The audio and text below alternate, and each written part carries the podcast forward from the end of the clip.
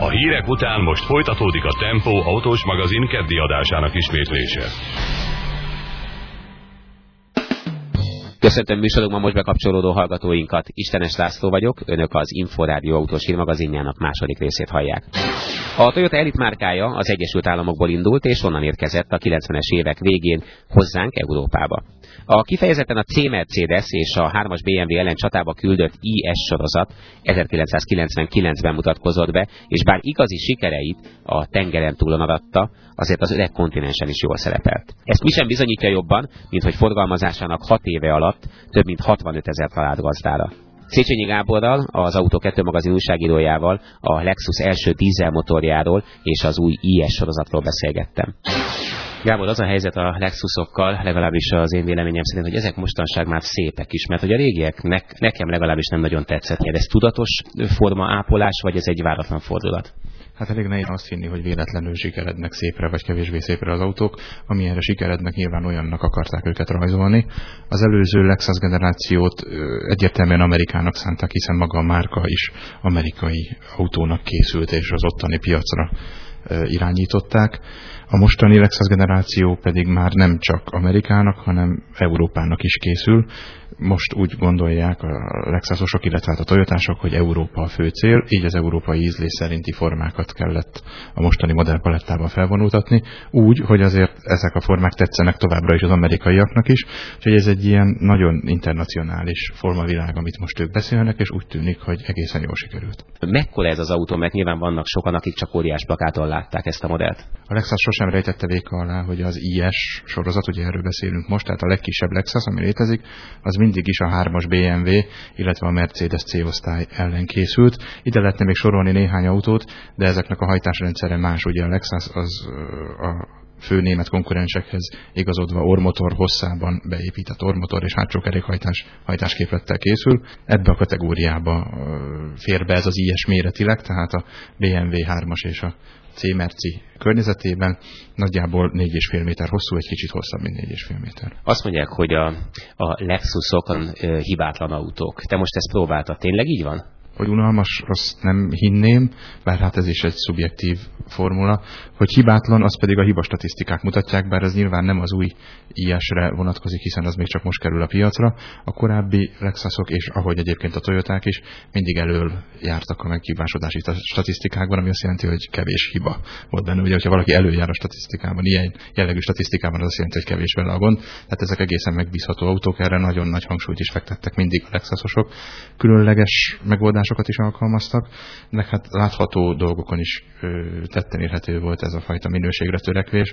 Úgy az anyag minőségben, mint a beltér csendjében többszörös, több rétegű zajelnyelő szerkezeteket alkalmaztak, sokkal korábban, mint egyébként bármelyik konkurens, és ma is a futóműszilentek, a motortartó bakok jelentős része folyadéktöltésű, ami nagyon jó rezgés visszafogó, tehát a Lexusok mindenképpen csendes autók, és ha a minőség szinonimájának vesszük a csendességet vagy hangtalanságot, akkor minden bizonyal az új IS is egészen előre fog kerülni ebben a vonatkozásban. Picit mesél nekem a, a motorokról, amit ezekbe az autókba tesznek, mert van egy olyan élményem, amikor én vezettem legutóbbi ilyen modellt, hogy olyan, olyan, olyan hangja volt, mintha egy porszívót kapcsolnánk be gyorsításkor, szóval valami egészen különleges villanymotorszerű hang. Nyilvánvalóan ez is az elsősorban az amerikai piacra kenhető. Az amerikaiak nem nagyon szeretik hallani a motorhangot, kivéve ha az egy nagy nyomórodas vasblokkos V8-as. Ezek a motorok nem olyan motorok, a motorzaj nem az utastérben így maradjon belőle lehető legnagyobb mennyiségben kin. Ez mondjuk ennél az autónál nem minden helyzetben sikerült, de nem a benzinmotorok miatt. Eddig ugye csak benzinmotorral készültek a Lexusok, az IS is, annak egyébként nagyon jó hangja is volt a soros hathengeres Lexus IS-nek, nem tudom, emlékszel rá. Most ez a motor sajnos kikerült a kínálatból, de ennél sokkal nem költözött a helyére. Ez egy csupa alumínium változó vezérlésű 2,5 literes V6-os, közvetlen benzinbefecskendezéssel és 208 lóerővel, erővel, de ami miatt az ajt említettem az ator, ami a Toyota frissen bemutatott, vagy nem régen bemutatott 2.2-es 177 lóerős, szintén csupa alú 16 szelepes, minden modern technikával felvértezett dízele.